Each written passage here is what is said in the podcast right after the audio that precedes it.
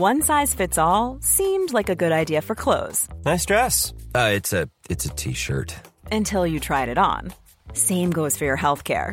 That's why United Healthcare offers a variety of flexible, budget friendly coverage for medical, vision, dental, and more. So, whether you're between jobs, coming off a parent's plan, or even missed open enrollment, you can find the plan that fits you best. Find out more about United Healthcare coverage at uh1.com. That's uh1.com.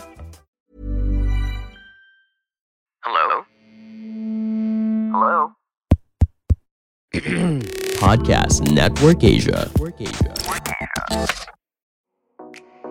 Haga Logo. Sebelum kita mulai episode hari ini, gimana kalau kamu dan aku Agustusan bareng Home Living Celebration?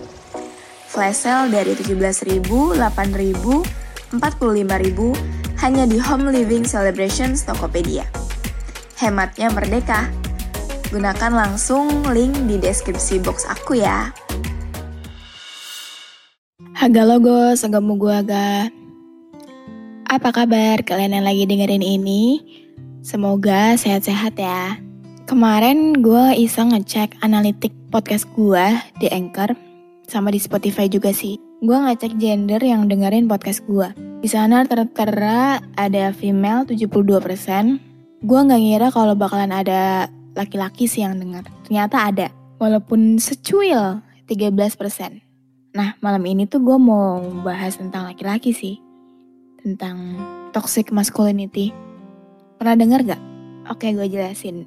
Jadi, toxic masculinity dapat didefinisikan sebagai perilaku sempit terkait peran gender dan sifat laki-laki. Dalam toxic masculinity, definisi maskulinitas yang lekat pada sifat pria identik dengan kekerasan, agresif secara seksual, dan tidak boleh menunjukkan emosi. Definisi senada dipaparkan dalam sebuah studi yang dimuat dalam Journal of Psychology. Studi ini mengartikan toxic masculinity sebagai kumpulan sifat maskulin dalam konstruksi sosial yang difungsikan untuk mendorong dominasi, kekerasan, homofobia, dan perendahan terhadap perempuan. Gue nggak tahu nih awalnya dari siapa nih ya yang bilang laki-laki nggak boleh cengeng, laki-laki nggak boleh nangis, laki-laki tuh harus kuat, gak boleh ngeluh. Siapa ya awalnya? bikin gue emosi aja nih orang. Bahkan sejak kecil aja, banyak anak laki-laki yang diajarin untuk menjadi pria yang kuat, yang tangguh.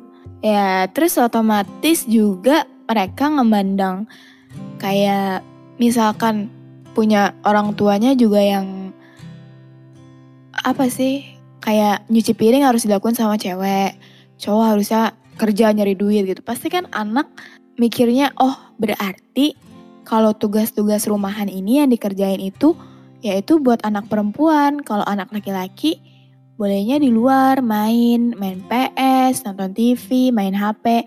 Anak perempuan harus ngerjain pekerjaan rumah, nyapu, ngepel, kayak gitu. Tapi tahu nggak sih, ternyata toxic masculinity itu berbahaya loh. Jadi, toxic masculinity dapat berbahaya karena membatasi definisi sifat seorang pria dan mengekang pertumbuhannya dalam bermasyarakat. Pembatasan definisi tersebut dapat menimbulkan konflik dalam dirinya dan lingkungan pria tersebut. Toxic masculinity juga memberikan beban pada laki-laki yang dianggap tidak memenuhi standar. Lagi-lagi standar, ngikutin standar orang. Laki-laki itu harusnya pakai baju hitam, pakai warna-warna gelap. Itu tuh warna-warna laki banget. Nggak boleh pakai baju warna pink laki-laki itu harus cool, nggak boleh ramah, nggak boleh senyum. Capek nggak sih sama stereotip masyarakat yang kayak gitu? Gue pribadi termasuk orang yang gak suka sama orang yang mengkotak-kotakan gitu. Lu perempuan, lu laki-laki. Karena menurut gue, maupun dia perempuan maupun dia laki-laki, dia sama-sama manusia. Jadi kalau cowok gak boleh nangis, terus harus ngapain? Apalagi waktu itu kita pernah bahas tentang toxic positivity kan. Semakin lu pendem, semakin lu berpura-pura, semakin sakit, semakin numpuk. Ya gimana cara lu untuk mengulur tumpukan-tumpukan itu ya dengan cara menangis. Nangis tuh bikin kita lega banget loh. Terus dibilang laki-laki nggak boleh nangis, bisa stres. Dan juga ada beberapa laki-laki yang nge-DM gue setelah dengar podcast cuma sharing ya. Mereka punya struggle yang sama kok sama perempuan. Bahkan ada yang bilang sama gue kalau ya sama gitu kayak mereka nggak tahu harus cerita sama siapa lagi. Mereka nggak punya temen. Waktu itu gue sempet iri sama laki-laki karena menurut gue laki-laki itu hmm, bisa bebas. Kayak misalkan untuk permasalahan jam main. Gue jam 10 aja udah diteleponin gitu kalau bukan karena kerja. Eh bahkan pernah karena kerja pun di teleponin kenapa belum pulang. Tapi kalau menurut gue laki-laki tuh lebih bebas aja, gue gak tau kenapa. Dan ternyata pikiran gue berubah setelah gue tahu temen gue laki-laki juga. Tapi dia tetap ditanyain kapan pulang. Berarti gak semuanya kayak gitu kan. Gak semuanya laki-laki itu bebas main sampai jam berapa aja. Mau gak pulang kayak bodo amat gitu. Tapi ternyata ada loh temen gue yang orang tuanya juga kayak gue walaupun dia laki-laki tapi tetap dikhawatirin gitu. Mungkin makanya muncul beberapa kasus kekerasan karena mungkin mereka mikirnya kalau laki-laki itu harus di atasnya perempuan gitu tingkatnya. Makanya juga sekarang ada gerakan feminis. Karena untuk menuntut kesetaraan itu. Ditambah seinget gue waktu itu gue pernah ngadain survei dadakan juga, tapi sebelum punya podcast ya. Gue cuma mau tahu aja, hmm, kan kan tadi gue bilang gue sempat iri sama laki-laki karena laki-laki itu lebih bebas gitu daripada perempuan. Gue tanya juga sama teman-teman perempuan gue yang lain, lo iri gak sih sama laki-laki? Dan dia bilang, ada beberapa hal yang mereka iriin yaitu yang pertama, kata mereka laki-laki itu lebih cepat untuk bersosialisasi. Lebih cepat dapat temen-temannya banyak gitu. Terus mereka bilang laki-laki itu lebih banyak dapat privilege-nya daripada perempuan. Tapi gue juga nanya sama temen laki-laki gue. Jadi laki-laki itu enak gak sih? Apa aja hal-hal berat yang lo alamin selama lo jadi laki-laki gitu? Mereka jawab, jadi laki-laki itu berat tanggung jawabnya, apalagi dia itu seorang anak.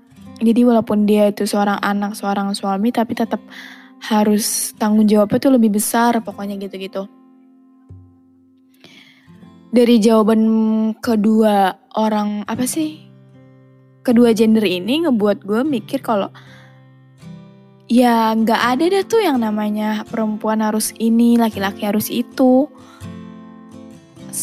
bareng-bareng aja, sama-sama aja, sama-sama manusia gitu maksud gue. Temen gue juga sempat ada yang terjebak dalam toxic masculinity. Jadi dia merasa kalau menangis itu menandakan kalau dia telah gagal menjadi laki-laki. Dia mikir kalau pas dia lagi sedih, pas dia lagi nangis, itu menandakan kalau dia itu laki-laki yang lemah. Padahal nggak kayak gitu. Padahal menangis itu adalah sifat yang sangat amat manusiawi. Jadi ya nggak apa-apa. Mau lu cewek, mau lu cowok, nangis ya nangis aja. Itu perasaan alami yang lu rasain kok. Buat nggak usah sok-sok penting banget lah. Jadi menurut gue ya masculinity gitu. Karena itu tuh bermanfaat untuk mengurangi angka kekerasan terhadap perempuan dan anak. Karena kan baik lagi ya, orang yang kejebak dalam toxic masculinity itu merasa kalau laki-laki itu lebih kuat daripada perempuan, laki-laki itu lebih berkuasa lah gitu. Jadi dia seenaknya aja sama perempuan, entah itu nyakitin, entah itu mukul. Dan juga toxic masculinity yang enggak terkendali juga bisa memicu terjadinya sejumlah hal berikut ini. Yang pertama bullying. Ini sempat kejadian sama teman sekelas gue sampai sekarang jadi temen dekat gue sih. Jadi dia itu laki-laki, cuma ya nggak maskulin aja. Tapi dia laki-laki kok. Dia suka sama perempuan gitu. Karena dia berbeda sama teman-teman cowok gue di kelas yang lain, jadi dia dibully, dikatain banci lah, apalah. Itu berpengaruh banget sih. Apalagi ada temen gue dulunya dia nggak semaskulin sekarang, tapi semenjak dia dikatain bencong, banci gitu, dia menjadi sosok laki-laki yang ya seharusnya laki-laki kayak gitu gitu. Tapi menurut gue, lu nggak jadi diri lu sendiri.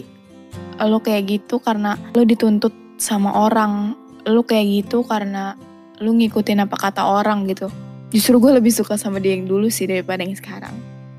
Nah, jadi gimana cara ngecegah perilaku toxic masculinity? Ini bisa banget dipakai buat anak-anak kecil gitu. Karena kan anak kecil masih nyerap kayak gitu. Jadi ya sampaikan aja sama anak kecil laki-laki kalau nggak ada salahnya kok. Nunjukin rasa sedih dan nangis. Serta ungkapin segala keluh kesah yang dirasain. Jadi buat kalian mungkin yang dengerin ini laki-laki gak apa-apa kok buat nangis. Itu nggak nunjukin kalian lemah. Itu malah nunjukin kalau kalian sayang sama diri kalian sendiri dengan kalian gak berpura-pura. Gak apa-apa kok kalian pakai jaket warna pink. Emang kenapa? Emang ada warna diciptain untuk perempuan. Warna pink diciptain untuk perempuan warna biru diciptain untuk laki-laki. Kan enggak? Kalian bebas untuk mengekspresikan diri kalian kayak gimana pun juga. Jadi ayo lebih sayang sama diri sendiri yuk. Segini dulu aja sharing kali ini. Makasih udah dengerin sampai habis. See you next time. Have a nice day everyone.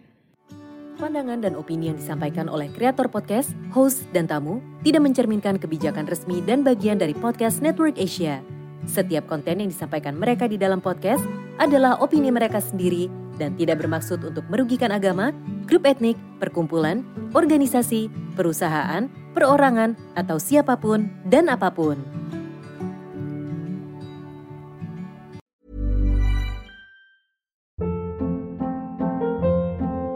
Hold up. What was that? Boring. No flavor. That was as bad as those leftovers you ate all week. Kiki Palmer here, and it's time to say hello to something fresh and guilt-free. Hello Fresh. Jazz up dinner with pecan-crusted chicken or garlic butter shrimp scampi. Now that's music to my mouth. Hello Fresh. Let's get this dinner party started. Discover all the delicious possibilities at hellofresh.com.